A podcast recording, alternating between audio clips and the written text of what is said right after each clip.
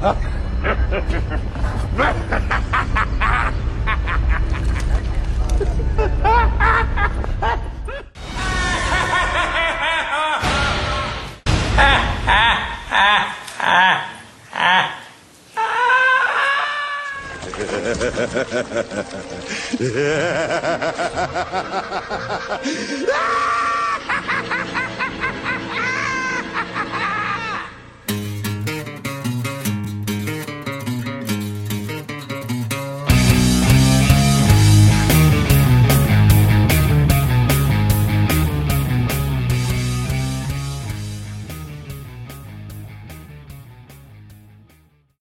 velkommen til Supersnak med Marvel Morten og Kim Helt, alias Morten Søndergaard. og Kim Skov. Det her er podcastet, hvor to tidligere tegneserieredaktører taler sig tosset om film, tv-serier, bøger og populærkultur, men med en helt særlig kærlighed til tegneserierne, mediet, hvor alt godt opstår. Og i dag skal det handle om The Joker.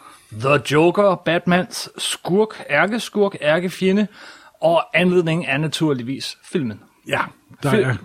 Filmen, som mens vi sidder og optager det her podcast, vi har lige fået en invitation. Vi kan komme ind og se den til forpremiere. Jeg kan ikke komme med. Jeg glæder mig. Og Morten, hvordan har du det med filmen her på forhånd? Ja, men nu er jeg jo...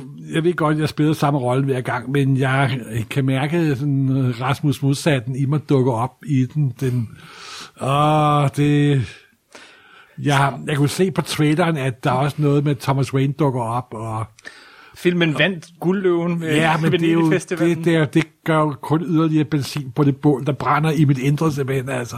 Ja. For jamen, det er sådan, nu, altså, øh, Phoenix, hvad hedder han? Øh,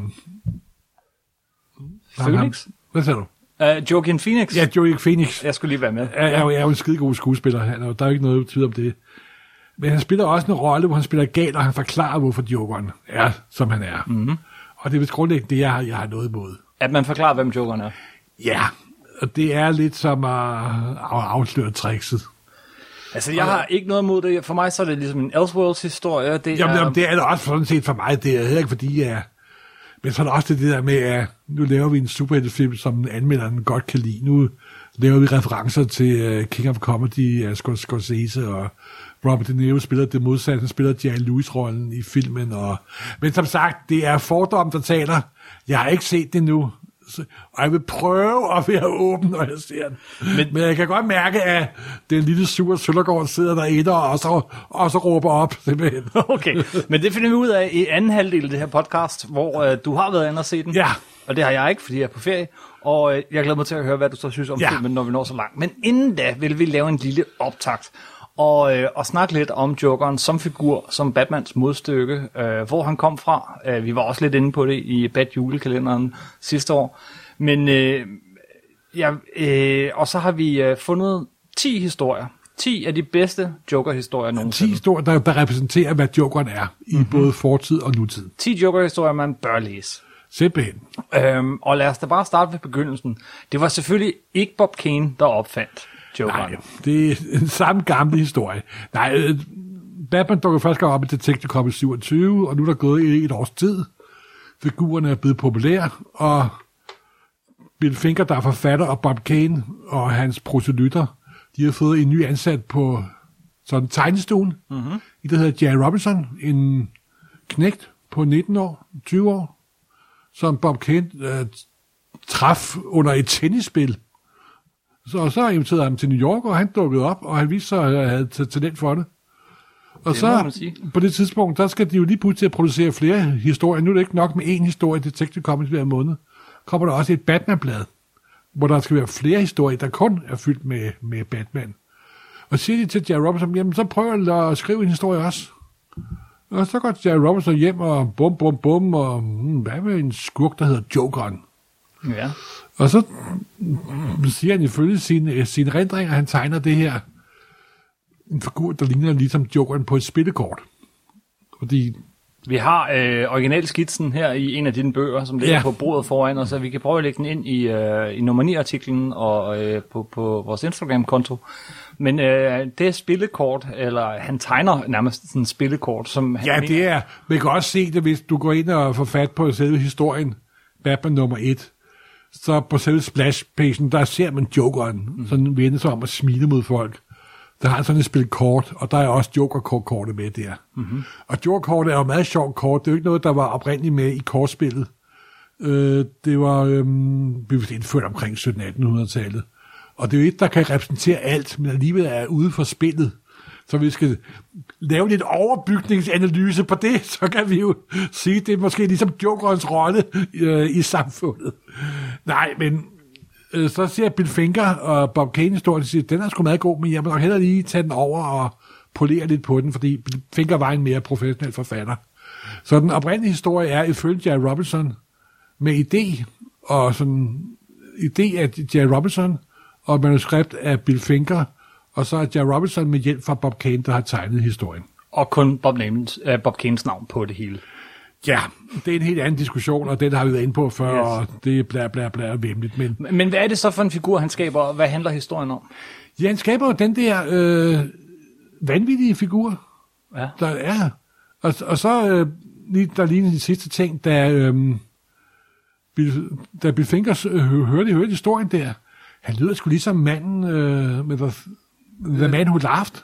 Ja, øh, du, Og, og, og det var en film, som hverken Bob Kane eller Jerry Robinson kendte overhovedet, men Jamen, det er rigtigt. Der er sådan en klassisk stumfilm, øh, hvor Conrad Reed, han spiller The Man Who Laughs, og, og øh, ser man ham, det er en gammel øh, Paul Leni-film, øh, altså, han det ligner er tysk ekspressionisme for fuld udblæsning. Jokeren. Fuldstændig. Øh, men han ligner. Og det, det sjove er også, at det var Bill Finger, der gjorde opmærksom på det, fordi han var meget mere belæst og så langt flere film og langt anderledes film. Mm-hmm. Han havde, nu for at være fuldstændig ærlig, Bill Finger havde nok mere med ørerne end Bob Kane og Jerry Robinson til sammen.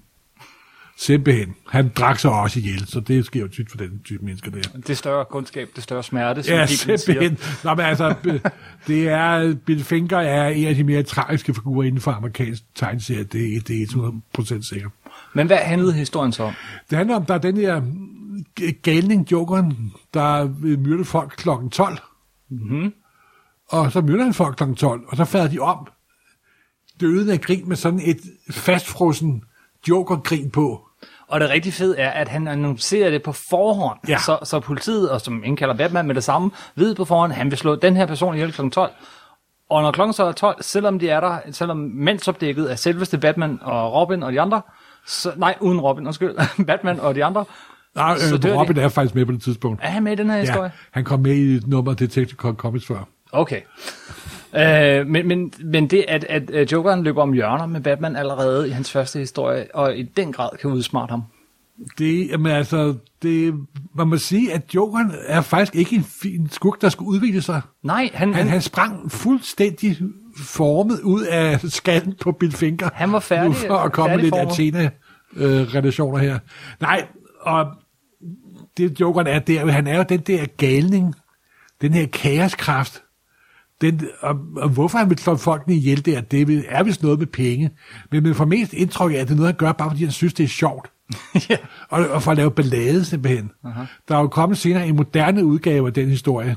Det gjorde der nemlig op i øh, 70'erne. Ja, uh, The Laughing Fish med Marshall Rogers og Steve Englehart. Super Solo nummer 1 på dansk. Uh, uh, uh, uh. Hvor faktisk historien er, at Jokeren vil få alle fisk til at grine, og så vil han have copyright på alle fisk. Og så når manden ikke vil give ham copyright, så slår ham ihjel. Mm-hmm. Ham der fiskeriinspektøren der. Igen en fuldstændig sindssyg plan, men nogle gange er der selvfølgelig mening, mening med galskaben. Men tilbage til den oprindelige Ba- Batman-historie der, den er også pænt godt tegnet af Jerry Robinson. Der er det, det er mørk og mystisk, og altså nogle gange, hvis folk spørger mig, hvad jeg synes er den allerbedste Joker-historie nogensinde, så har jeg nogle gange været tilbøjelig til at sige, den aller, aller første. Fra Batman nummer 1. Batman nummer et, det er jo også nummer, samme nummer, hvor øh, Catwoman dukkede op første gang. Og ikke at bladet, bladet er også så tykt, så Joker når at dukke op igen. Mm. Der er også en Return of the Joker i. I samme blad. I samme blad. Og det viser også lidt af de problemer, der er med Jokeren nemlig. Fordi Jokeren er nok en af de mest misbrugte tegneseriefigurer af alle. Jeg tror, at DC misbruger mere end Marvel misbruger Wolverine. Nu siger du misbruger, eller mener du overbruger? Overbruger, ja. Ja. Men det viser også figurens utrolige øh, styrke, at det er en sand arketype. For lige meget, hvor mange gange de spiller bold med ham, så bevarer den samme form simpelthen. Så det var øh, vores øh, ja, det er jo ikke en top 10, men det var nummer 10 i vores kronologiske øh, sådan rækkefølge her Ja. af udvalgte Joker-historier. Øh, vi skal nogle år frem i tiden, hvis vi når til den anden bog, vi gerne vil fremhæve her, øh, og det er helt oppe i Detective Comics nummer 341. Den har du valgt. Ja, Hvorfor det er fordi, det er der, The New Look er kommet, hvor Quime Infantino begynder at tegne Batman. Jules Schwartz, de er sådan gået væk fra den fjolle Batman, der har været i mange år, og prøve at modernisere Batman. Mm-hmm. Og den Joker, der er med der, det er jo sådan en, den mere hyggeonkel, mm. der sådan laver skæg og ballade. Og den første historie, der er med ham i The New Look-perioden, der går han først op og røver en bank klædt ud som Charlie, som Charlie Chaplin. Så røver han en bank, næste gang klædt ud som Buster Keaton. Og tredje gang røver han en bank klædt ud som Harbo Max.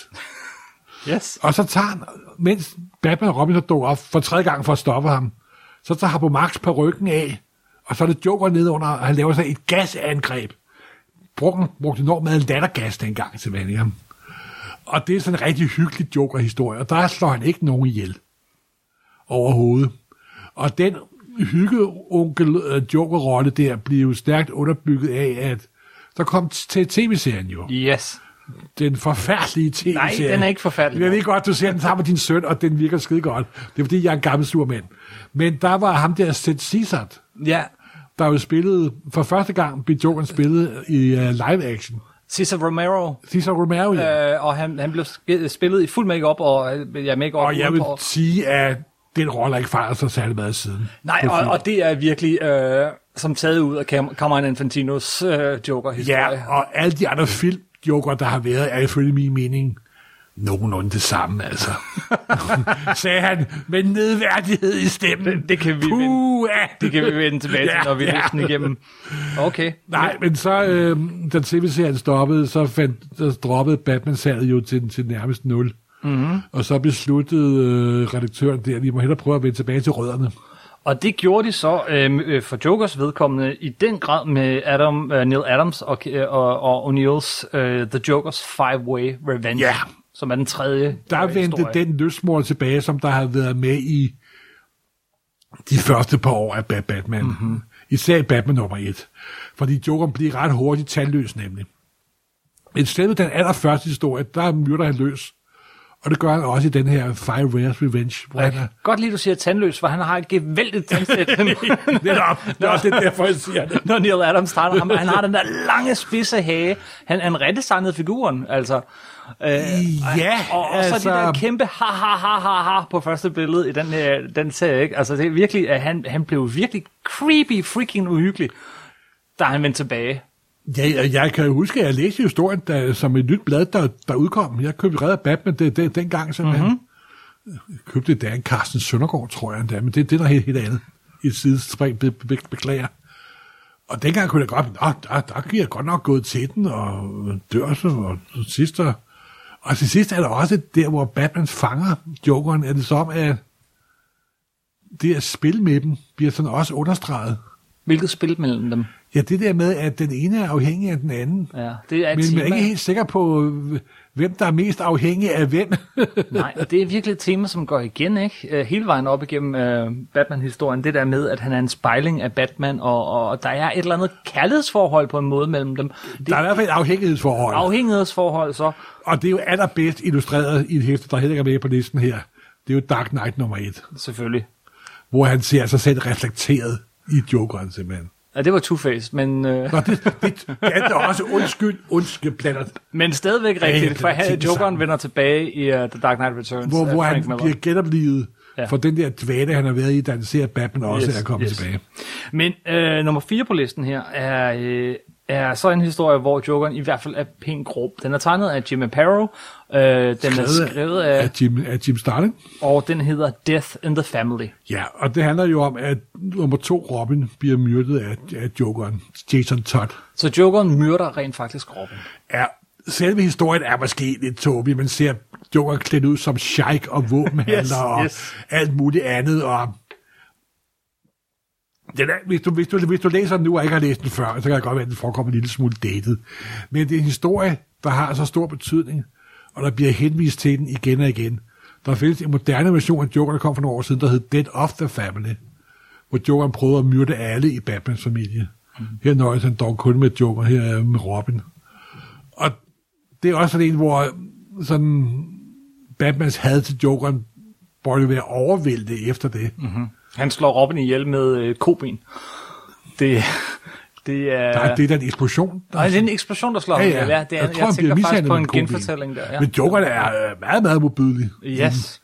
Og det er, tror Jim Starling har sagt i et interview, jeg husker, at ja, han var helt sådan blød for, hvad han, hvad han slap afsted med under den historie der. Yes. yes.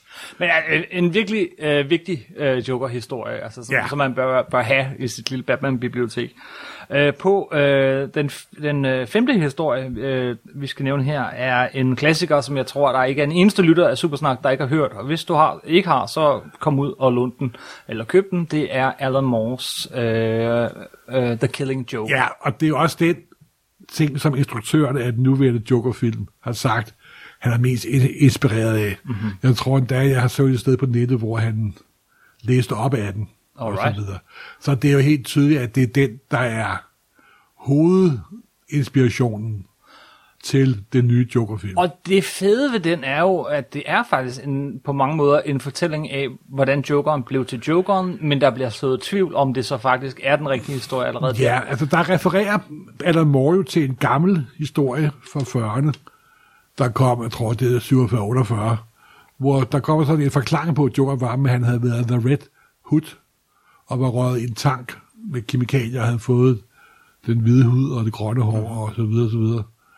Og det så jeg så, at Moore så hævde frem og moderniserede, og gav ham også den her mislykkede komiker, og øh, fortvivlet fam- familieforhold, og uheld, og så videre, Yes, så videre. yes, yes. Alt det, som vi kan se nu og sådan noget, at filmen kommer til at handle om. Ja. Netop, og altså, den er jo virkelig god.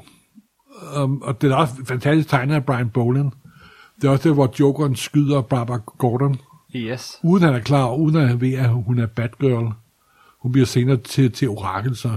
Men han forklarer jo også, hvorfor at Jokeren er sådan, ikke? Mm-hmm. Og så får man jo ikke, bliver man ikke bange af ham, så bliver man, får man bare med lidenhed med ham, ikke? Ja.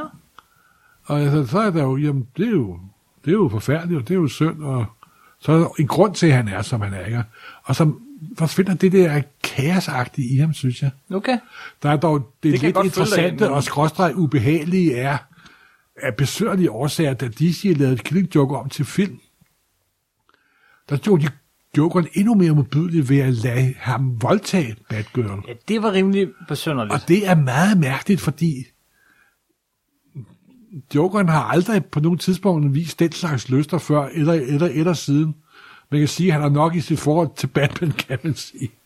På den måde der. Men det var den der øh, filmudgaven, tegneseriefilmudgaven af Killing Joke, er ikke særlig god, og den er meget mærkelig. Ja, vi lavede et afsnit om den i Ja, ja det har vi gjort. Gud, det har vi også gjort, ja. Så det kan man gå tilbage og høre. Men øh, han fortsætter med at være modbydelig og, og, og rimelig skræmmende i den sjette øh, historie, vi har med på listen her. Og det er øh, Arkham Asylum, en af de mest solgte Batman-historier nogensinde. Ja, og det er jo Grant Morrison, Og Dave McKean. og det er McKean. Og det handler jo om sådan en Batman rejser ind i Arkhams hjerte. Arkham, som er det her sindssyge hospital i Gotham City. Der er også et computerspil baseret på den her historie. Sådan løst, Og Arkham-navnet kommer jo selvfølgelig fra... Dr. Arkham. Nej, det kommer fra Lovecraft. Ja, på den måde, ja, det er Ja. rigtigt. Arkham er jo den by, hvorfra mange af... Hvor, hvor, hvor Arkhams University ligger, mm-hmm. og de har en af de få eneste kopier af Necronomicon i originaludgave og så videre. Det er, Og det er en historie, som det, det er en bog, som jeg aldrig helt har været øh, helt forlibt i. Øh, det, den, det er en meget, det er en tidlig Graham Morrison, øh, og en, en Graham Morrison, der gerne vil ligesom vise, at han er kunstner. Øh, og Det er måske han, en bog, der har større ambitioner, end de har talent til at, til at dæ- dække dem. den, den er jo solgt, jeg ved ikke hvor godt, og den sælger stadig, og, og folk er vilde med den. Jeg synes, den udstiller Batman sådan lidt sjovt, den historie. Øh, den er meget, øh, og, og den spiller også på det der seksuelle øh, mellem dem. Tegningerne er jo ikke, altså der er ikke en finger at sætte på det, det er øh, noget af Dave McKeans Den bedste kommer jo i en ny. Absolute Edition, hvor de er repræsenteret direkte fra originalarten. Gør den det? Kommer her om et par måneder. Uha. Øh, men en, en fed historie, hvor øh, at, øh, ja, som bliver nærmest helt drømmeagtig. Er der ikke også noget med, at nu kan- et stykke tid siden, jeg har læst den, Der er ikke også noget med, at Jokeren nærmest genopfinder sig selv hver dag i den, Den del kan jeg ikke huske, men... men, men hvor han sådan prøver at dykke det også lidt ned i, hvad det er for nogle psykologiske kræfter, som der former Jokeren simpelthen. Aha. Det kan jeg ikke huske. Men på, øh, på 8. pladsen har vi til gengæld, øh, øh, eller den 8. i rækken her, en, en historie, som ligger meget fjernt fra Arkham Asylum, i hvert fald i det grafiske udtryk. Til gengæld er den helt fantastisk, og den hedder Mad Love. Ja, Og det er skaberne af Batman-tegnefilmen, øh, Paul Dini og, og Tim, øh, Bruce Tim, bestemt. som laver den her historie, som handler om Jokerens og Harley Quinns øh, forhold til hinanden. Mad Love. Og det handler jo om, at hun var jo oprindeligt var en psykolog, der arbejdede på Arkham Asylum.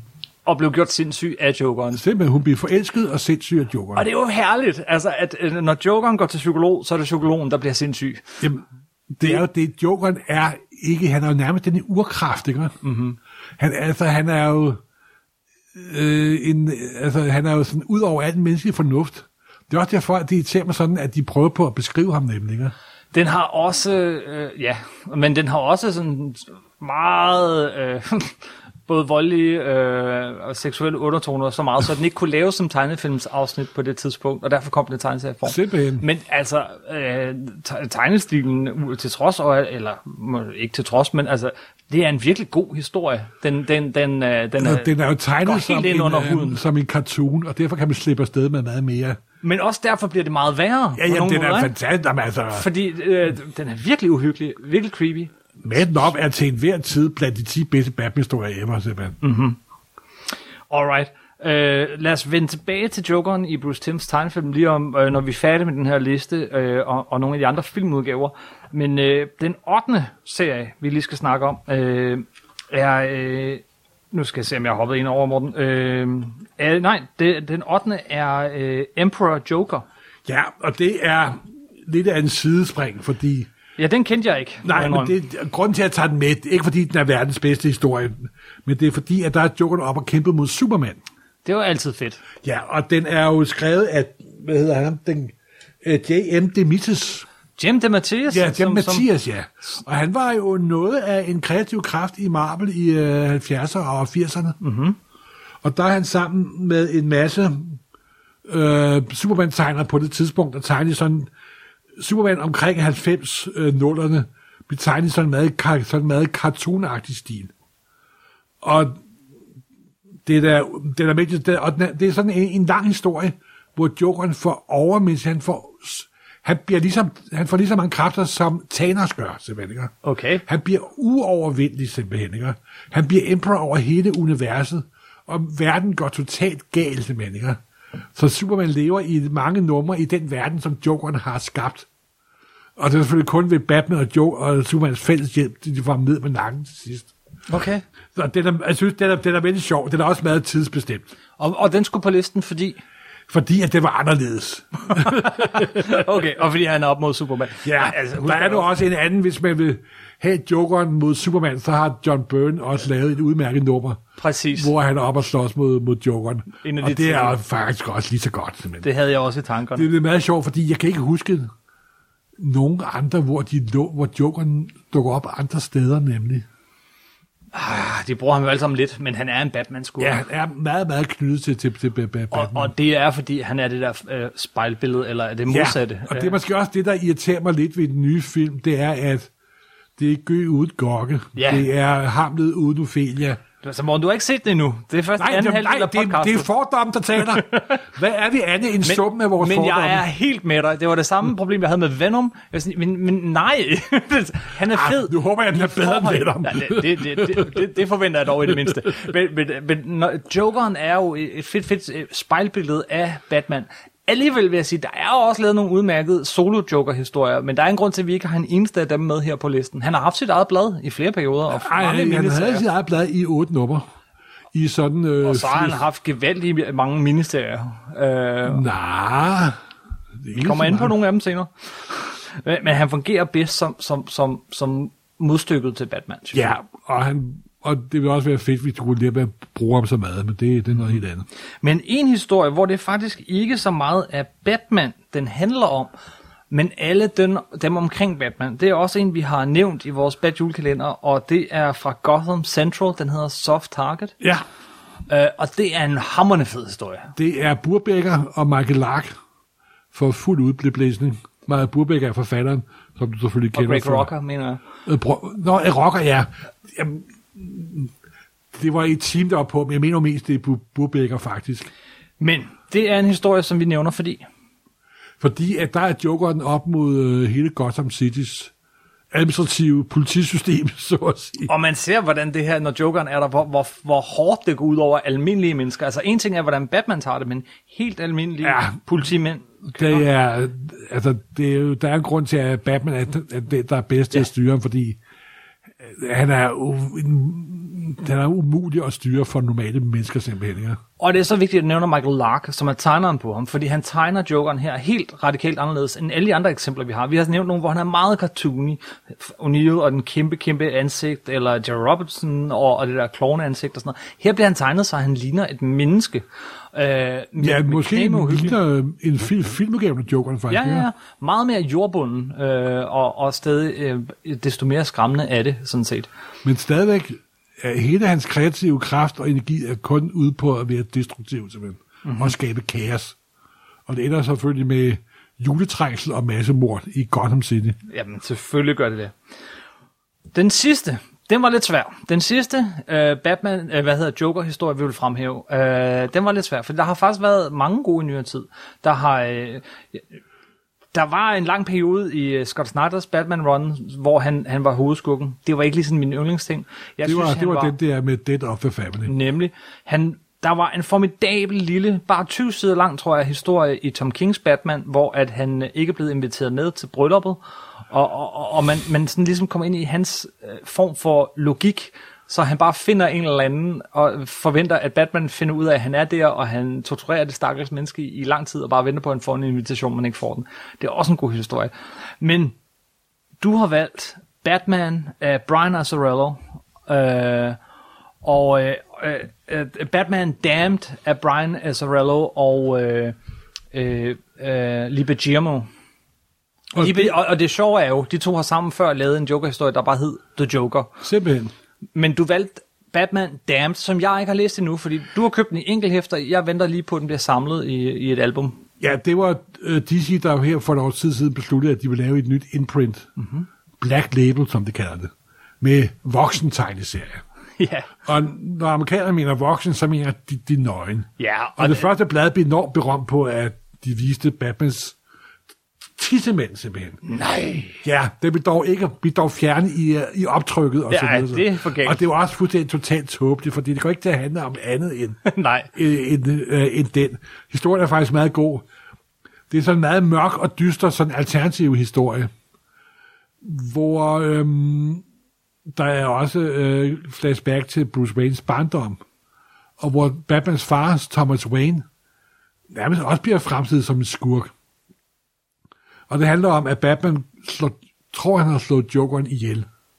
Tror han har slået for Jokeren. Ja, og det har han måske også, fordi der er overnaturlige kræfter med den her historie.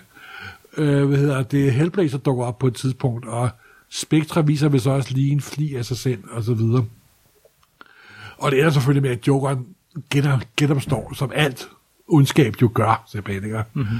Og Batman øh, får hele sin for forestilling om, hvad hans barndom har været, to, totalt smadret.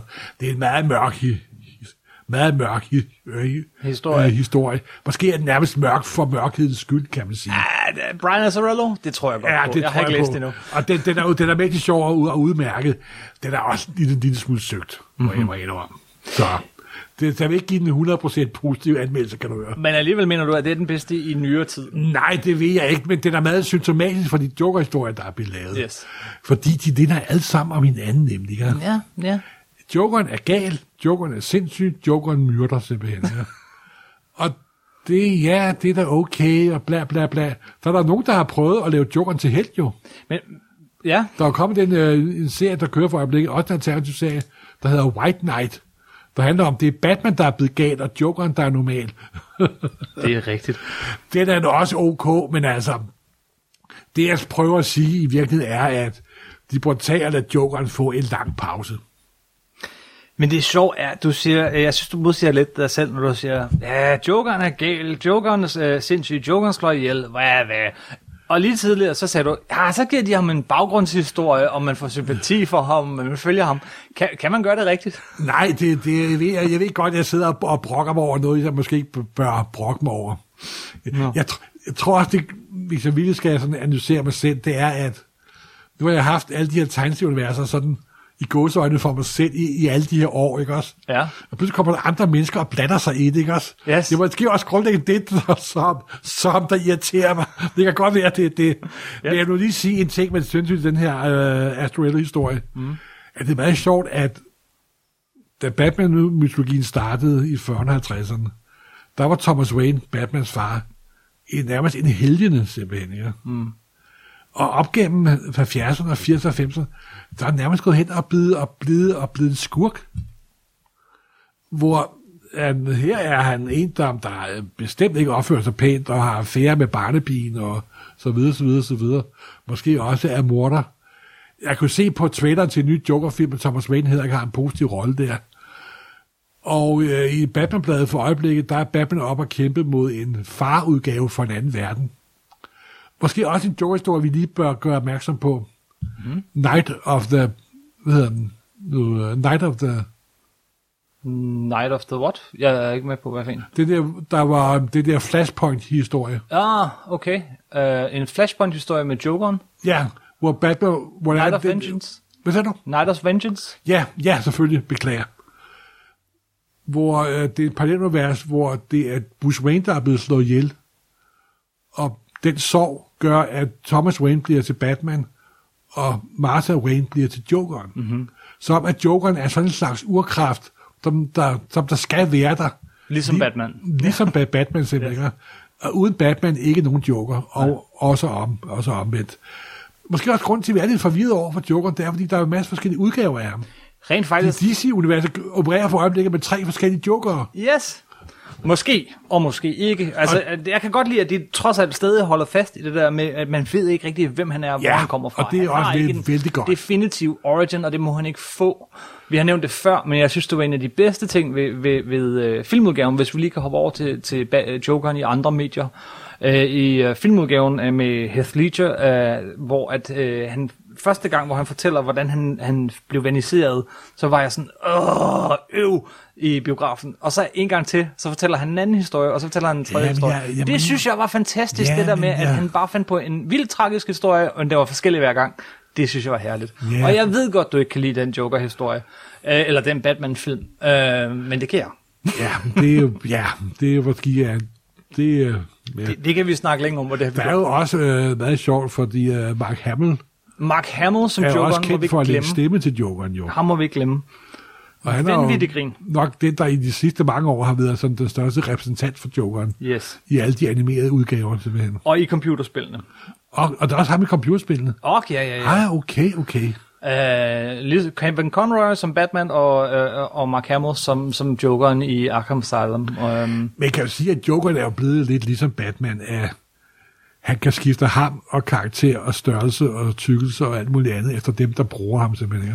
Han er blevet lige så, en lige så stor arketype, som Ba- Batman er. Og, ja, og han er også sådan det, det mest uhyggelige af alle skurke, fordi han ikke har den der logik eller medmenneskelighed eller noget som helst. I et, i et meget populært spil, der hedder Injustice Gods Among Us, der slår han uh, Lois Lane ihjel, og det er det, der afstedkommer, at Superman bliver ond Ah. og vil beherske hele verden. Okay. Uh, han er det fuldstændig uforudsigelige uh, uh, element, som ingen grænser har. Uh, jeg synes jo at også, Jack Nicholsons Joker, er der Nej, nej, for? der vil jeg, der, der, I put my foot down. Yes. At påstå, at Jokeren var ham, der skød Batmans forældre. Det er forfærdeligt. Det men er et dødssynd, der ikke kan zones Ja, men det var jo ikke Jack Nicholson, der gjorde det. Jo, det var Jack hans skyld. Nå, whatever. Det er de gamle film. Hvad, okay, hvad, Lego Batman. Hvordan, hvad synes du om Jokeren i Lego Batman? Jamen, de er jo fuldstændig afhængige af hinanden. De er jo nærmest så for- forlovet, altså. Yes. okay. Jeg tror, vi er nået dertil, hvor jeg bliver nødt til at trække mig fra det her podcast og tage på ferie. Ja, Og øh, du tager i biografen og ser The Joker. ja, og jeg vil prøve, og jeg vil love at prøve at være objektiv. Jeg tror ikke, der er en eneste, der tror på dig. Hvad? Men, Hvad? men lad os se. Uh, vi klipper her og ses ude i fremtiden. Ja, hej hej. What's so funny? Freak! Ja, så har jeg jo været i biografen og set Jokeren. Og Kim kan desværre ikke være i dag, fordi han er taget på ferie. Men så har jeg fået fat på en anden biografgænger. Øh, Christian Mongård for information. Filmanmelder. Dag, dag. Ja, goddag, goddag. Endelig et fornuftigt menneske. Ja, Ja, du har jo været her før jo. ja det er det. På tror det er faktisk tredje gang, tror jeg. er det det? Tredje, ja. eller, tredje eller fjerde Nå, gang? Ja. ikke noget socialt øh, slitsnat. Folk vil have at vide, hvad vi mener om Joker. Fantastisk film. Verdens bedste film nogensinde. Bedre end Free Willy 3. Næsten lige så god som Interstellar. Nå, jeg tror, at Christian er ude på at irritere mig lidt her, kan jeg mærke. Men så vil jeg da starte med, ja, hvad jeg mener om filmen.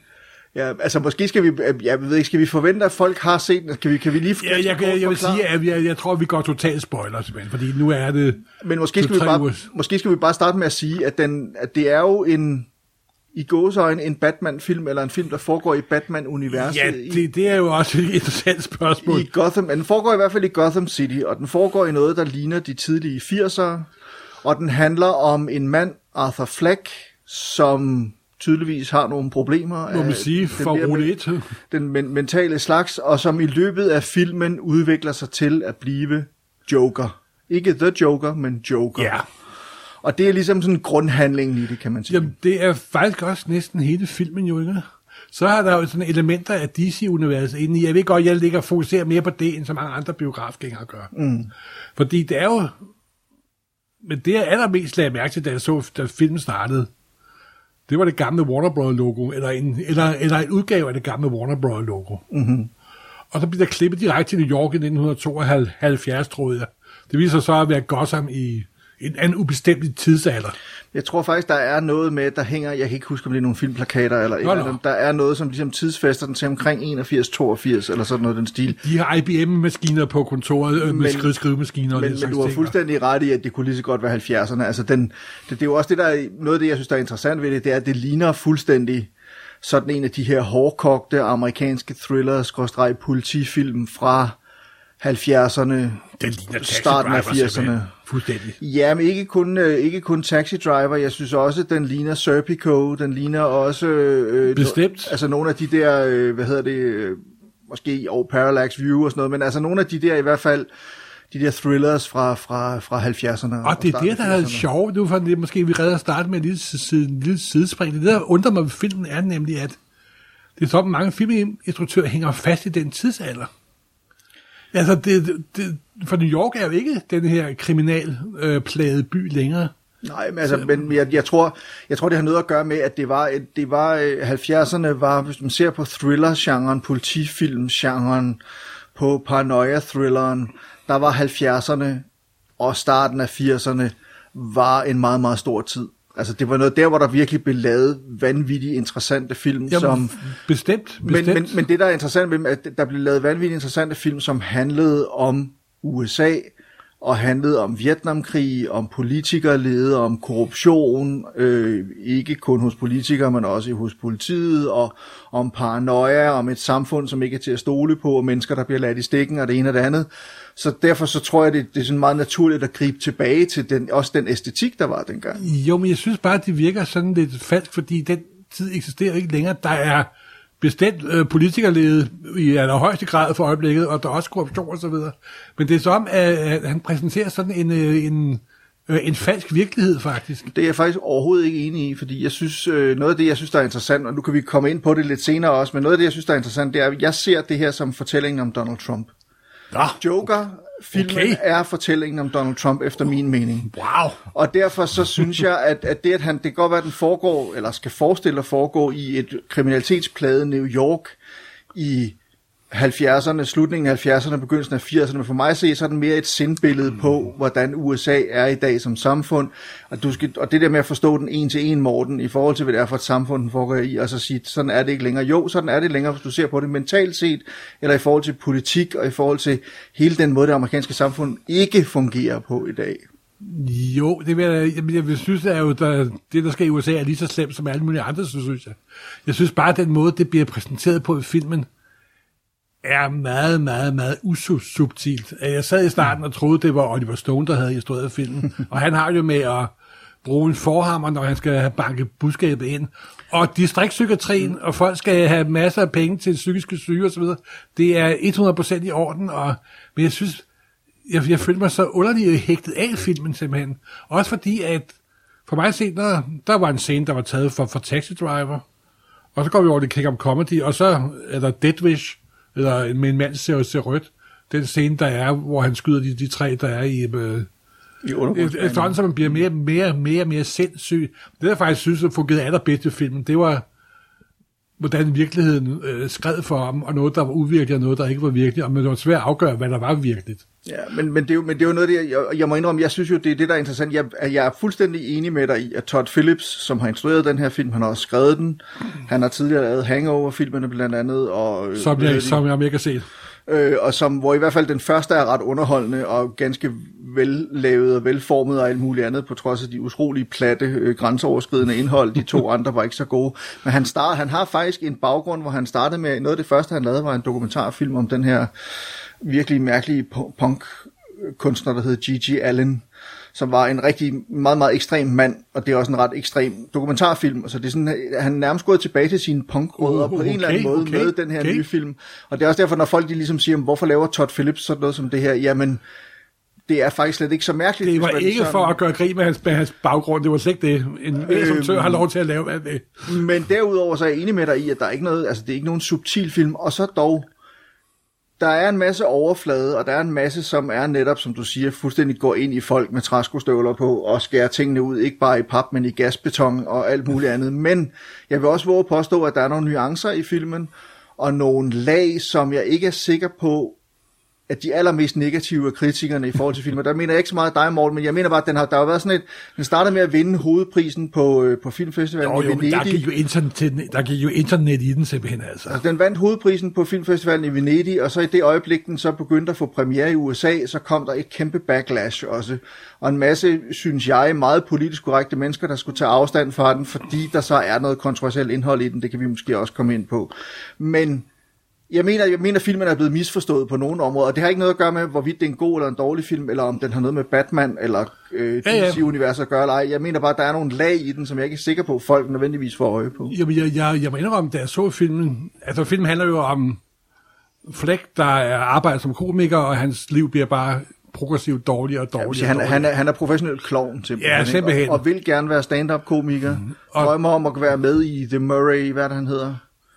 Et eller andet Murray-show. Øh, Murray er sådan en tv-vært spillet af Robert De Niro. Han vil enormt gerne være med i det show. Altså, det er sådan et, sådan et late-night talkshow, hvor han gerne vil ind og det er lidt ligesom med, med hvad hedder han, uh, Johnny Carsons uh, The Late Night, eller The. Tonight Show i gamle dage, hvor det bedste, der kunne, eller det største, der kunne ske for en som øh, aspirerende komiker, det var, at man kom med i The Tonight Show, fordi så var ens lykke ligesom gjort.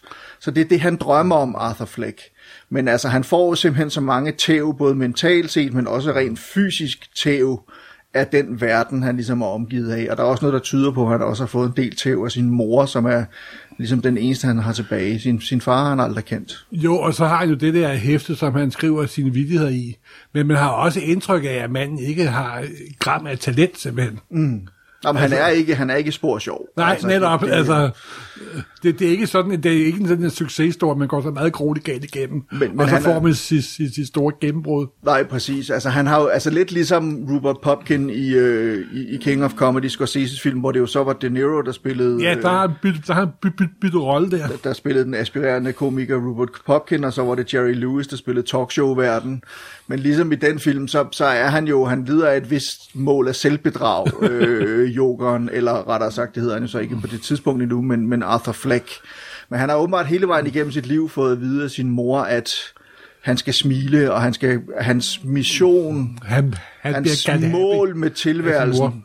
Hvad? Han bliver kaldt happy af sin mor. Han blev kaldt happy af sin mor, og han har hele, tiden, hele vejen igennem sit liv, nu er han, skal han jo forestille at være sådan noget midt sidst i 30'erne, eller sådan noget, han har hele vejen igennem sit liv fået at vide, at han er kommet til verden for at få verden til at smile. Og det er så det, han prøver på, og han bliver mere og mere desperat, fordi hvis der er noget, verden ikke gør, så er det at smile, og han får den i hvert fald ikke til at smile. Og så samtidig lider han jo af den her psykiske lidelse, med at han har de her ukontrollerede latteranfald. Ja. Og han har også sådan en lille kort, hvor han siger, at han er psykisk syg, og så videre. Det er jo sådan en form for Tourette, ikke? Men Eller jo, man må sige, at øh, han er blevet frontloadet fra scene 1 simpelthen, ikke også? Altså. Og det jeg tror jeg, det var det, der irriterede mig lidt, det var, at det her kan kun gå galt, simpelthen, ikke også? Altså, det, det, Ja. det er for mørkt til meget, meget mørkt. Men, øh, Ja, men det er der ikke nogen tvivl om, og, den, og der er heller ikke nogen tvivl om referencerne til både øh, En mand ser rødt og til de der to Scorsese-film, du snakker om, Taxi Driver, og selvfølgelig jo, men King jeg, of jeg, jeg Comedy. synes bare, det, det var så påklistret. Jeg ved ikke, hvor... Men det synes jeg netop ikke, det er, fordi jeg synes, det Todd Phillips han gør, det er, at han refererer til de der film, men han arbejder også videre med stoffet, fordi Arthur Fleck er ikke Rupert Popkin. Arthur Fleck, der er noget andet og noget mørkere på spil her, og det er der, hvor jeg synes, det er interessant interaktionen mellem den her figur, som Arthur Fleck er, og så jokeren. Altså fordi noget, noget af det, hvis vi lige skal springe tilbage til nogle af de Batman-film, som jeg ved, du hader, altså øh, Christopher Nolans Batman-film, men der er i hvert fald... er et meget stærkt ord, jeg bryder mig ikke om. men som du ikke bryder dig om. Men i hvert fald i The Dark Knight, i den film, hvor uh, Heath Ledger spiller uh, Ja. The Joker, der er der et par scener, hvor The Joker, han begynder at forklare, hvor han fået sin ar fra, hvordan er han blevet, som han er blevet. Og den forklaring varierer alt efter, hvem han snakker med. Og det gør den her film også. Og det vil sige, at han er fuld af løgn. Og det er noget af det, jeg synes, der er interessant ved Jokeren som karakter i den film i hvert fald. Det er det her med, at man ved simpelthen ikke, han er et ciffer. Han er en, et, han er en gåde. Man ved ikke, hvem han er. Man ved ikke, hvor han kommer fra. Man ved ikke, hvorfor han gør, som han gør. Og derfor, når man så forsøger i den nye film her, tager Arthur Fleck skråstreg Joker og prøver at reducere ham til en psykisk sygdom, eller en mand, der har fået tæv af sin mor som barn, eller er blevet behandlet dårligt, eller som aldrig har kendt sin far, hvis, som er blevet svigtet af samfundet, som pludselig bliver frataget sin medicin, og hvor distriktspsykiatrien ikke har plads til ham længere, og han får tæv af unge knægte, fordi han render rundt i sit klovnetøj og alt muligt andet. Det er ikke den eneste forklaring, der er. Der er også noget andet, noget mere mørkt, noget mere interessant, synes jeg, under overfladen, som har med jokeren og hele mytologien omkring jokeren at Ja, gøre. det synes jeg, det har jo mere at gøre med hans mors psykiske lidelse. Det er jeg så ikke enig i. Jeg, synes- jeg synes, der er mere i det end det. Det, det, du, øh, du, du ser mere film, øh, end, om, øh, end om jeg gør. Det må Men jeg altså, nok Morten, det er jo også mit arbejde. Ja, det, ja, det kan jeg tydeligt høre. Jeg er blevet udsat for, alt for anmelderforsk af sådan, den professionelle, der ruter ind over mig. Det er jeg udmærket godt klar over. Det er også helt i orden. Det er derfor, vi har inviteret dig. Jo, men det, Morten, du kan jo også. Det er jo godt for dig en gang imellem at blive for fortalt lidt om, hvor skabet skal stå, og hvordan verden hænger sammen, ikke? Fordi nogle gange så har du også selv lidt svært ved at finde ud af det, ikke? Så Og tak fordi du forklarer mig det. Nej, men jeg, men jeg, men jeg, men jeg sad og så den, og jeg følte mig totalt hægtet af, simpelthen. Ja. ja da, den Nå, figur men, men, jamen, sagde mig intet. Og det er selvfølgelig delvis, fordi at jeg har også det der tegneserieunivers kørende i baghovedet. Men, men jeg synes nu, at jeg er koblet rimelig fra ham på det.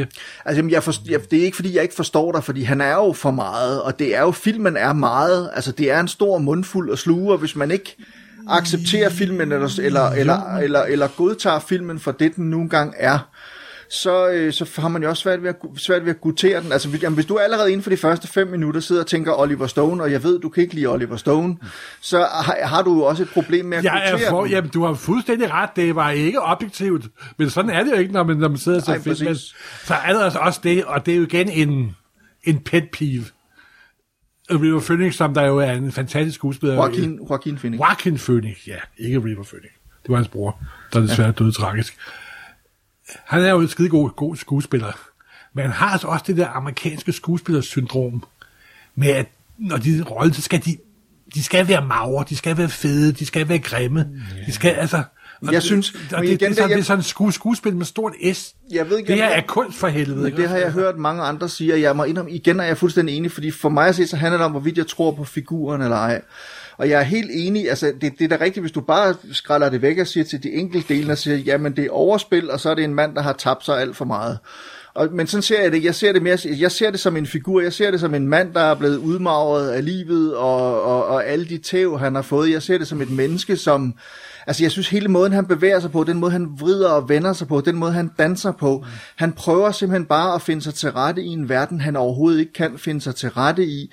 Jeg ser det som sådan en slags form for, altså, han har det her tourette eller den her psykiske sygdom, hvor han, når han kommer i situationer, hvor han bliver nervøs, så begynder han at grine fuldstændig hysterisk, ligesom yogeren gør. Øhm, og det er klart, det er hans omgivelser, det kan de jo slet ikke forstå, indtil han så prøver at vise det der lille kort, som du siger, han også har med sig, hvor der står, jeg det er en psykisk sygdom, jeg griner ikke, fordi at jeg synes, det er sjovt, men jeg griner, fordi jeg er utilpas, eller et eller andet. Ja, ja. Og sådan er, altså han er for mig at se et menneske, som er utilpas i sin egen krop, øh, i sit eget liv, i sit eget sind, i verden i det hele taget, og det synes jeg, han, jeg synes, må jeg sige, Joaquin Phoenix gør det helt fantastisk øh, som Jokeren, fordi alt er en forlængelse af hans, de problemer, han har, og den måde, han bliver behandlet på, og den måde, han ikke kan finde sig tilpas i verden på. Der er, Øh, der er nogle ret interessante ting, fordi der er både noget med den måde, han på, på et tidspunkt bevæger han sig, altså det der med, at han, han løber så mærkeligt, for eksempel. Det gør han jo selvfølgelig, fordi han har klovnesko på i nogle Ja. af scenerne. Men selv når han ikke har klovneskoene på, løber han sådan. Fordi han har den indre klovn nu. Fordi der er, det, der, det er simpelthen blevet så meget en del af hans væsen. Der er på et tidspunkt, så øhm, er der en, jeg kan ikke huske, om det er nogen, der laver en maske, eller har lavet en tegning af ham, eller sådan et eller andet, hvor, hvor mundvine, altså du ved, hvor han har ligesom den der Ja, ja. ja. op på, hvor mundvine er trukket meget op, så sidder han selv og retter til den, den til, alt efter, hvordan han ser, at den er blevet lavet i medierne og sådan noget. Så der er hele tiden sådan en vekselvirkning mellem ham og det samfund, han befinder sig i, som jeg synes er enormt fascinerende. Jeg bliver helt misundelig på, at du har set den film. Men så vil jeg så, så, vil jeg så sige, at, at det jeg så også ser i den, det er, jeg ser, altså, og det er der, hvor jeg ser den som en allegori i Ja, forhold Donald til... Trump, det må jeg... Ja, men, og det er netop fordi, jamen, altså, hvad er Donald Trump andet end en klovn, som øh, ikke befinder sig tilpas i verden, og som har svært ved at finde sig til rette, som stiller sig op på sin talerstol og står og prædiker had og oprør og revolution.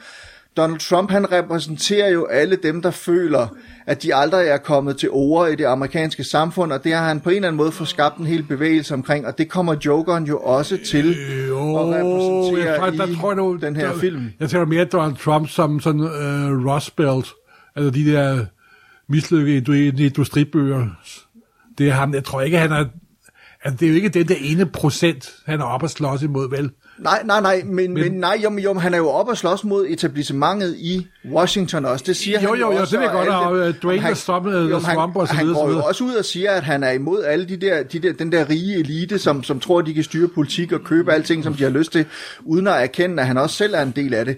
Jeg, vil, jeg synes, jeg må indrømme, jeg, for mig at se, så var der en meget tydelig parallel. Jeg siger ikke, at det er det eneste, Jokeren repræsenterer den her film, men jeg ser det i høj grad som en film om et USA i dag, som er splittet på grund af nogle samfundsmæssige ting, og så er der kommet en mand, og meget populistisk har kunne udnytte det, som nærmest er faldet ind i det. Lidt ligesom Arthur Fleck, fordi det er jo ikke noget, Arthur Fleck han søger, men han finder ud af, forstærket af medierne, altså han, han, han begår noget selvtægt i starten af filmen, mod nogle, nogle unge mænd, som generer en, øh, en kvinde i... Ja, han myrder tre mennesker. Ja, ja, men han begår selvtægt for at forsvare sig imod de her tre mænd, som er ved at genere en kvinde i et tog, i et S-tog, eller i en, et undergrundstog. Mm. Og så vender de sig mod ham, og så skyder han dem alle tre. Og så bliver han, plu- og igennem det bliver han så et, øh, et, et, et revolutionært ikon nærmest for en, en, øh, en underklasse, eller for nogle mennesker i Gotham City, som føler sig trådt på. Blandt andet af Thomas Wayne, Bruce Waynes far, som jo er også her i den her film den store industrialist og store rigmand i, øh, i, i Gotham City. Men det er ligesom om, at medierne og yogeren føder hinanden hele vejen igennem her. Den der Ligesom bevægelser Donald Trump for medier. Det har du, har du fuldstændig ligesom Donald Trump. ret i. Jeg jeg har ret i alt, hvad jeg siger, Morten. Du er i fuld begør, kan jeg mærke. Nu skal Søndergaard kræfte med hækkniven. Nej, Nej. men, men, jeg kan sagtens forstå, at man som Batman-elsker, som yoga-elsker... Altså Nej, jamen, en, det, er- det, der, er- det der er sådan set min største pet peeve mod den. Og det er jo en udmærket professionelt lavet film. Jeg blev ikke på nogen måde følelsesmæssigt engageret af den. Lige på nær det der, hvor nogle gange med sådan virkeligheden skrider frem og tilbage. Og man har en kæreste eller ikke har en kæreste. Og man er udtaget, er udtaget er indlagt eller ikke indlagt. Mm. Om det er udtaget noget, der foregår i hovedet på ham. Jamen præcis. Øh, hans, hans sociale medarbejder er jo den samme skuespiller, som der er psykologen mm. på hospitalet, og så hurtigt har hun ikke skal skifte job, vel? og så videre, så videre. Og det, er, det synes jeg faktisk er ganske storartet. Men det, der irriterer mig, det er, at han bruger lånte fjer, uden at... Han tager øh, Gotham-universet, han tager Batman-universet, og så antyder han jo, der er den unge Bruce Wayne, der optræder i det, Martha og hans øh, mor optræder med pertekæden, fordi det er jo for Year One, og den skal flås i stykker. Mm. Og hele filmen ender jo med sådan til at sige, at det er Jokerens skyld, at Batmans forældre bliver myrdet. Mm. Og det er jo i, nok måske det, der er det allerstørste irritationsmoment for mig. Yeah. For det er ligesom alle de andre tåbelige Batman-film. Jamen, jeg synes bare, hvor, det hvor, er fedt. det, hvor det skal give en årsag. Bat, der skal være en grund til, at forældrene dør. Det skal ikke være denne her Random acts. den her Jamen, det er der jo også. Jo, men der er jo stadig, det er jo stadigvæk en random act of violence, der gør, at hans forældre, at Bruce Waynes forældre bliver slået ihjel. Det er Jo, jo, ikke så- jo, Jokeren, men- der direkte er skyld i det. Han er indirekte skyld i det, fordi han har skabt en bevægelse af vold og had og, og animositet, hvor, hvor altså, de, dem, der ikke har noget, går til angreb på dem, der har. Nu er det jo også i den her film, som der faktisk er også i mange af de sidste par år, Thomas Wayne-figuren. I gamle dage, der var han jo den uskyldige læge, der kæmpede for Han er retfærdighed. bestemt ikke uskyldig Men her. de sidste mange år ja. er Thomas Wayne-figuren faktisk gået hen og blevet noget af en skurk. Jamen, det er han og det er han så, i så ganske afgjort også, ja, ja. Jo, men, og, og jeg, kan sagtens, jeg kan sagtens se, at den går ind og piller ved nogle ting. Altså, det, det er jo lidt det der med, at den går ind og ændrer ved... Nej, det gør den ikke. Jeg har, set, jeg har læst masser af alternative Joker-historier. Det er der ikke specielt. Jo, men den går ind og... Altså, den går, jeg har, altså, hvis jeg skal tro på det, du sidder og siger til mig nu, omkring hvad det er, du har problem med den her film, så er det jo fordi, den går ind og piller ved noget af det, som du mener er de hellige grundsten i Batman-universet. Nej, det er ikke noget heldigt. De har bare, han har bare misforstået fi- figuren til, som en mere og mere det, der Nej, er- han har en anden tolkning af figuren, end du har. Det, Og det kan man så diskutere, om det er misforstået eller ej. Nå, men jeg mener bare, lad os nu sige det, som det er. Det er jo fordi, du har en bestemt tolkning af det, og hvis man ikke har den samme tolkning, så har man misforstået den, Morten. Det holder jo ikke. jeg vil sige, at jeg måske har en dybere forståelse af Batman-universet, end Todd Phillips har. Jo, men prøv at høre, vi kan hurtigt blive enige om, at han bruger Batman, eller ikke Batman-figuren, men Joker-figuren og- Batman-universet til noget andet. Altså, han tager det ligesom, og så bruger han det til det, der passer til ham. Jo, men det, det der faktisk undrer mig, det er var alligevel, hvor meget Batman var, øh, var med i filmen jo, ikke? Faktisk. Ja, Batman er der jo ikke, men altså, han er der jo Altså, alligevel som Bruce en Wayne. sky- Ja, Bruce, Ja, Wayne, Bruce er Wayne der er. som skygge. Jo, jo, Jamen, det er jo øh, drengen og har det der forhold, han har til Men altså, og så nu, vi er i gang med spoilers og sådan noget, så er det jo fordi, han får at vide af sin psykisk syge, Arthur Fleck får at vide af sin psykisk syge mor, at Bruce Wayne, eller undskyld, Thomas Wayne, er hans far. Ja. Det vil sige, at han tror, at da han står uden for Thomas Waynes store mansion og møder den lille øh, 10-årige, eller hvor gammel han nu er, Bruce Wayne, så tror han, det er hans bror. Ja, og der får man jo... Der fremgår der jo film, at det er moren, der har løjet. Præcis. Ja, måske. Det er jo ikke 100% sikkert. Nej, det er ikke 100% sikkert, at hun har løjet, og, det, og, og der er også noget, der tyder på, at Bruce eller hvad hedder det, Thomas Wayne i hvert fald ikke nødvendigvis fortæller sandheden omkring tingene og sådan noget. Så, og der er jo sket et eller andet mellem moren og Thomas Wayne, som ikke... Men det man så også finder ud af, det er jo også, at han får fat i en gammel, øh, morens øh, gamle journal op på sindssygehospitalet. Øh, Arthur Fleck får fat i sin mors gamle journal og finder ud af, at, at han faktisk har været, så vidt jeg ved, tvangsfjernet, fordi hun har, altså, Ja. hun har tævet ham og manipuleret med ham og gjort unævnlige ting ved ham, dengang han var dreng. Noget, som han slet ikke kan huske. Og jeg synes, jeg, jeg ved ikke, jeg, jeg synes bare, der er sådan nogle interessante ting i det, også som menneskestudier, som karakterstudium, som, som, som jeg synes, synes gør den interessant igen. Havde det ikke været så god en skuespiller som Joaquin Phoenix, så er jeg ikke sikker på, at jeg ville have købt den nødvendigvis, fordi han er så afgørende en, en, en brik i hele det her puslespil, som, øh, som øh, Todd Phillips han prøver at lægge. Øh, men jeg synes samtidig også, at der er, du, du kom selv ind på det før, hvor meget af det her er virkelighed, hvor meget af det er drøm, hvor meget af det er, de, er Arthur Flecks Det kan, du kan sagtens argumentere at filmen, for den foregår inde i hovedet på mig, mens Præcis. han sidder, sidder, sidder i sin, i, i sin spændetrøje et eller andet sted. Ikke? Ja. Øh, Og men, det er selvfølgelig meget sjovt med, at de også i virkeligheden har givet Jokeren et utal af forskellige øh, oprindelseshistorier. Jamen præcis, og, og det der med at Joker, og det er der, hvor jeg synes, man kan sagtens sige, at den her film kunne godt have været lavet og handlet om en mand, lad os bare sige, han hed Arthur Fleck, som gerne vil være stand, som er professionel klovn, som gerne vil være stand-up-komiker, og får en masse slag, og så ender med at blive sådan en vigilante, sådan lidt uh, vi for Vendetta-agtig. Der er jo også noget, hvad hedder det, The Killing Joke, og en masse Alan Moore i, i Ja, den her nu, film. nu, nu ikke så meget, som man skulle tro, vil jeg sige. Det er, jeg tror, sådan, jeg føler ligesom at få nok husarne ind. Og jeg synes alligevel, der er noget, men altså, der er ingen tvivl om, at, at og, det, jeg, og det, prøv at høre, det synes jeg, det er jo det samme Tarantino gør i sine film, det, der er mange, der gør det, altså det her med at tage alle de populære kulturelle ting, man elsker og er blevet påvirket af, og så putte det sammen og remixe det, og så få noget nyt ud af det, og jeg synes, det er det, han gør, Todd Phillips. Jeg synes, han genfortolker både Taxi Driver og, øh, hvad hedder det, King of Comedy, og for den sags skyld også øh, Death Wish og Der vil jeg og sige, at hvor. Tarantino tager sine pølser og laver til meget velsmagende ret, så for mig bliver det mere sådan en slags samlet film. Må jeg indrømme, så tager vi en stykke af det, klipper sammen en stykke af det, og klipper sammen en stykke af det, og så... Ja.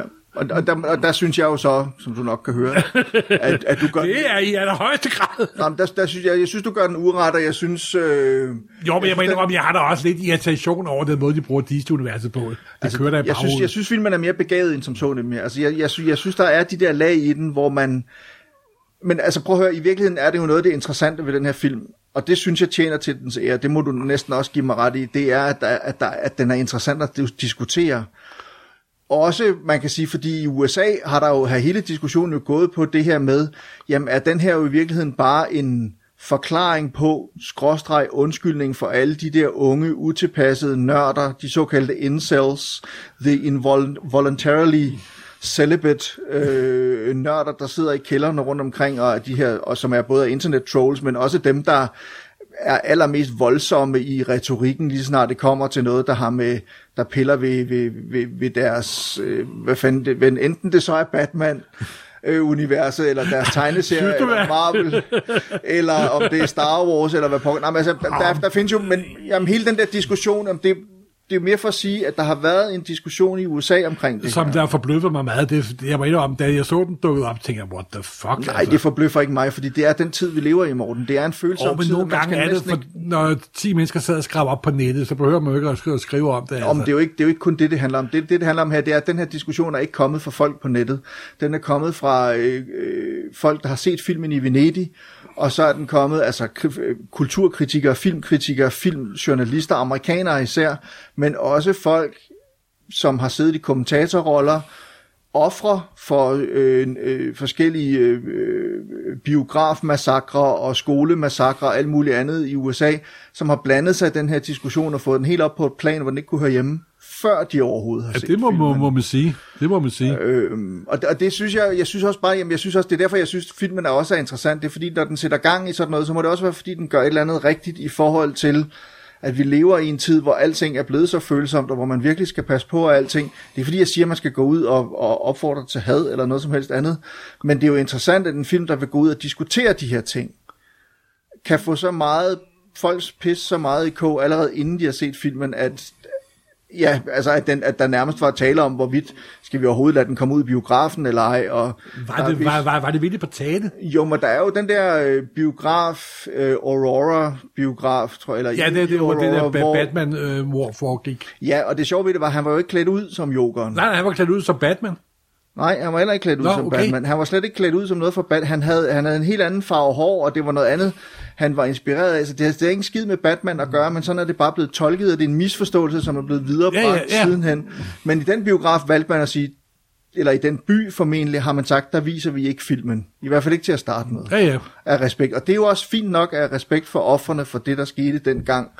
Hvis det er sådan, byen gerne vil have det. Jo, hvis det skal være lidt kynisk hver en gang imellem, så ser jeg også med den diskussion som lidt som, ikke godt det er meget kynisk det her, som en vel tilrettelagt PR-kampagne nærmest, ikke? Ja, det ved jeg, jeg ved sgu ikke, om man kan... Jeg tror, Warner Brothers har været så bange for det her, været bange for, at filmen skulle blive skudt i sænk af hele den her diskussion. Det jeg behøver, tror det ikke, behøver de jo ikke, fordi den ja, den jo- brager derude. Jo, jo, men det, alt det her, det er jo noget, der skete før filmen. Ja, jamen, det er, det var, da den var i Venedig så der. jeg, så jeg tror ikke på, at det har været en, øh, en reklamekampagne. Tværtimod tror jeg, at Warner Brothers har været meget nervøse for den her, fordi at i det øjeblik, man kommer til at gøre eller sige noget, hvor man kommer på den forkerte side af opinionen eller folkestemningen, så er man på røven. Og det var der en reel fare for, på et tidspunkt i hvert fald med den her film. Også fordi Todd Phillips gik ud og sagde nogle utrolig dumme ting. Blandt andet sagde han, at en af grundene til, at han ikke lavede komedier længere, det var fordi, han, var så, han synes, at komedier var blevet så politisk korrekte. Man kunne ikke få lov til at sige noget som helst. Så nu lavede han en superheldig film i stedet for, fordi så kunne han sige nogle af de ting, han ikke turde sige i en komedie. Og det er jo, altså, det er jo sådan en, en fornærmet drengemand, der står der og siger sådan noget. Det er jo noget plader. Nu når vi er i gang med at øh, jeg har skubbende bagtanker, så har jeg også lidt, du er jo professionel anmelder, og jeg har da læst mange anmeldere, hvor de, samtidig med de anmelder Joker-filmen, så får Marvel-universet også et ordentligt spark tilbage. det er nærmest om, at ah, endelig er der en superheltefilm, vi kan stå indenfor, mens vi sparker de der modbydelige populære film. Altså det eneste, jeg, jeg skrev selv ikke det i min anmeldelse. Det jeg skrev, det var bare, at det var noget helt andet, og hvis man var træt af, af, af, af Marvel-universet, så fik man i hvert fald noget andet her. Det er jo ikke, jeg har jo været lige så positiv over for... Det ved jeg godt, det var du heller ikke dig, jeg var ude efter. Men, men du har da ret. Altså jo, men det er lidt det der med, at, at, at hvis det skal legitimeres som kunst, så skal det også være lidt sort og mørkt, og der skal have, virkelig have nogle kanter, og der skal helst være noget voldsomt på færre Jamen, jamen, jamen, det er netop det, jamen, øh, den trykkede på alle mine forkerte knapper, da jeg sad og så den. Som du selv sagde, jeg er en gammel sur mand, altså. Nej, det tror jeg ikke, jeg sagde det, men det siger du selv tit, Morten, så der må jo være noget om snakken. men nej, men altså, jeg, jeg synes i hvert fald, man skal, hvis man ikke har set filmen endnu, giv den en, altså så har man formentlig heller ikke hørt den her podcast, men altså giv den en chance, fordi jeg synes, den er mere kompleks og mere nuanceret end som så, og jeg synes, den er mere interessant end som så, men det er ikke fordi, jeg ikke forstår for så vidt din anker i forhold til den, fordi jeg kan, altså du ved igen, jeg har jo også selv nogle pet peeves i forhold til, ikke så meget det her, Jeg, men i jeg, jeg forhold kom til at tænke på, hvis det var en mørk udgave af Sherlock Holmes, For eksempel. og den så var blevet anmeldt med helt samme iver. Det er jeg ikke sikker på. øh, nå, nej, men, altså, men lad os da bare tage Robert Downey Jr. Øh, Ja, men jeg ved Sherlock godt, du hader de Sherlock Holmes. filmene, fordi de, de siger, det er Sherlock Holmes. Det er ingen skid med Sherlock Holmes at gøre, selvom Det, det er sjovt, øh, dem kan jeg godt tiden. Acceptere, selvom det selvfølgelig ikke er nogen gode, men Men Morten, det, den snak, den tager vi en anden det, er, dag. det er meget sjovt faktisk. Sådan, Det er frygteligt. frygteligt med dig. Du Nå. vælger, du vælger din, din, din slag, eller hvad det hedder, din kamp er helt forkert. efter at jeg er blevet udsat for the full force mongård her i sikkert 25 minutter. Så, ja, men det er også derfor, at vi inviterer dig. Ja, men, men, men, men er der ellers øh, er der andet, vi skal sige om den? Øh, Nej, ikke af. Der er et ret, ret sjovt soundtrack, men altså igen, det, det ved jeg så også, det er der mange, der har brokket sig over, at det er, det er for meget, det er sådan noget Send in the Clowns, og altså, det, at det er for meget on the nose. Jamen, det er På ikke det der anden med, måde, det er men- ikke nogen sub, subtil film. Overhovedet ikke på nogen måde, og så alligevel synes jeg, der, der er under alt Ja, det må indrømme, det balladen, er, der er du, der nogle, nogle lag, du- som... du er kommet længere ned i den der lasagne, end jeg er, må jeg indrømme. Ja, og det var en velsmagende lasagne. Så er der en ting, der også irriterer mig. Nu er jeg i gang med at bro- brokke mig lidt, hvad jeg altid gør. Jeg sad jo og så den til den var forbi. Ikke fordi jeg forventede, at der dukkede en slutscene op med velkommen til Jokeren 2 og så videre. Men de skrev Jokeren skabt af Bob Kane og Jerry Robinson. Og det er jo halvvejs øh, rigtigt, for Jerry Robinson med skabte. Men ham, der skrev den første historie, hed Bill Finger, han var ikke nævnt. Men der selvfølgelig irriterede mig grænseløst. Oh, men det kan, og det forstår jeg simpelthen godt, også fordi vi lever i en tid nu, hvor man jo i højere grad end nogensinde før tager de der tegneserieskaber alvorligt og giver Netop, dem den credit, netop, de skal have. netop, Altså, netop. Marvel har jo virkelig lagt sig i selen for at rette op på mange af de uret- uretfærdigheder, der har været begået imod Måske ikke så meget Stan Lee, han har vist fået, hvad han skulle have, men, men mere Steve Ditko og øh, hedder Kirby? Kirby, Kirby! Jack Kirby selvfølgelig, og, og nogle af de andre øh, store skikkelser der. Øh, en anden ting. Nu er det jo en udgave af Gotham-universet, vi har set her. Mm-hmm. Jeg ved ikke, om du har set nogle af de andre udgaver af Gotham. Der er Gotham-tv-serien. Der kommer en tv-serie med Alfred.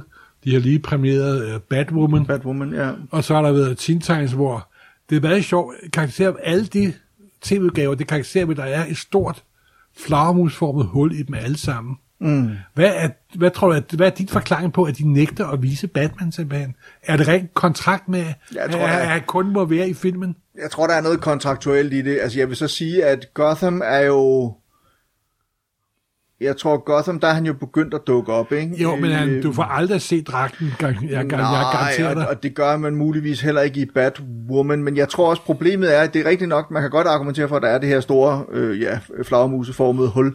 Man kan også sige, at hvis Batman pludselig dukkede op, så vil han tage så meget opmærksomhed, at man vil blive ligeglad med alt det andet.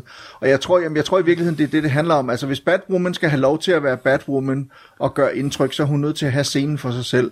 Og så vil jeg sige, Pennyworth, den der handler om Alfred, har jeg set de første 3-4 afsnit af. Okay, okay, okay. Og den foregår i London. Ah, Og det er i hans ungdom.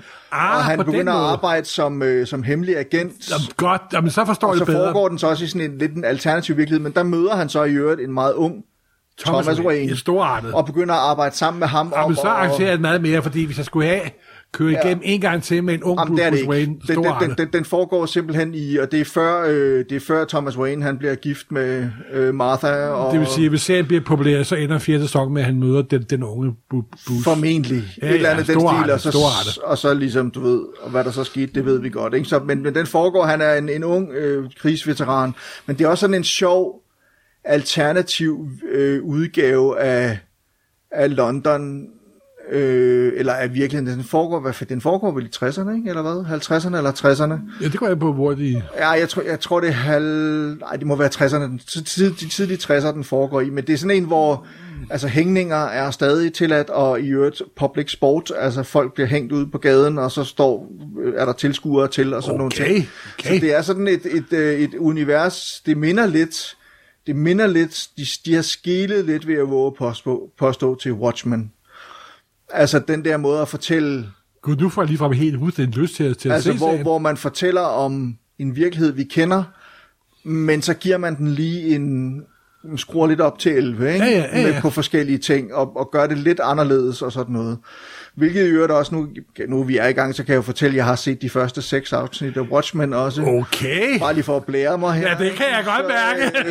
øh, øh, men det må jeg sikkert slet ikke fortælle, men, men det er også interessant, det greb, de har lavet der. Og det, Den har jeg jo andet. meget, meget store forventninger til. Ja, men den, den, øh, jeg synes faktisk, de gør det meget godt, også fordi de knytter an til de gamle, men de har slet ikke, altså, det, Instruktøren har været ude sagt, at det bestemt ikke er en genfortælling af det er det heller ikke. Den foregår i 30-40 år senere jo. 2019, Ja, ja. øh, 2018-2019, men igen i en alternativ Ja, virkelighed. selvfølgelig. øh, men hvor alt det, der skete i Watchmen-tegneserierne i 80'erne, det er sket. Det kunne jeg forstå på, på det hele. så det er simpelthen, altså det er i virkeligheden en sequel Jo, til men altså- Watchmen, som bare foregår de mange år senere.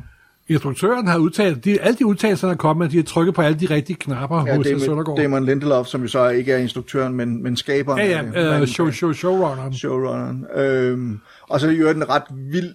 Første afsnit starter ret vildt. Altså, det, var, det, var, det havde jeg slet ikke set komme, den måde, den starter på. Og sådan noget. Det, det er Ja, men så må vi andre stakler jo, jo, jo vente. Der går lige 6-7 uger, før du får lov til at se så meget, som jeg har set, Morten. Så. Uha. ja, Og med disse ord, så... jamen vi er glade for, at du vil være med øh, være i vores podcast og sidde og trumle på lidt og irritere mig lidt. Det skal du være meget velkommen til at gøre en anden gang. Ja, men jeg siger ja. Ja, det gør på du forhånd. ja, hej hej. Ej. Joke to you? Alright, jeg lader ligesom om, at jeg lige har hørt, hvad Morten øh, har siddet og sagt om filmen. Øh, nå, jeg er da glad for, at du kunne lide den, Morten, eller ikke. Men øh, ja, jeg ved ikke, hvordan jeg skal slutte det her af. Øh, tak for denne gang. Ja, Husk, øh, vi vil meget gerne høre, hvad du synes om Joker-filmen. Så kan jeg sidde og læse det, mens jeg er på ferie. Øh, det kan du gøre ind på facebook.com supersnak podcast ude i et. Vi er på Instagram, øh, nummer 9.dk, alle vegne. Og øh, hvis du gerne vil gøre podcastet en tjeneste, så gå ind der, hvor du hører podcast. Spotify, iTunes, Podimo, wherever. Og du giv os en Podimo. jeg tror ikke, vi kommer på Podimo. Nej, Godt, at vi er der, men jeg vil love en gang til alle, til alle vores lytter, at den her podcast aldrig, aldrig, aldrig nogensinde kommer til at koste så meget som en enkelt rød simpelthen. Okay, men så lad os lige tage den. Lad os tage den, fordi det har faktisk været op på tale, om man skulle betale for øh, Supersnak. Om man Nej, kunne støtte os, det vil jeg, jeg vil Og om- kæmpe til min... om man kunne støtte os med en tier, om vi skulle på Podimo og tage penge for vores podcast. Nej, det kommer det- aldrig til at ske. Jeg er kun eneste mønt, jeg vil have, det er glade, tilfredse lyttere. Yes. Og årsagen til det er, er sådan set ret øh, elementær. Lige så snart der kommer bare en krone ind, så bliver det noget arbejde. Ja. Så bliver det en pligt, så bliver det noget, man skal gøre. Supersnak er for sjov, og vi vil føle os forpligtet, Ja, hvis vi og det skal man ikke gøre.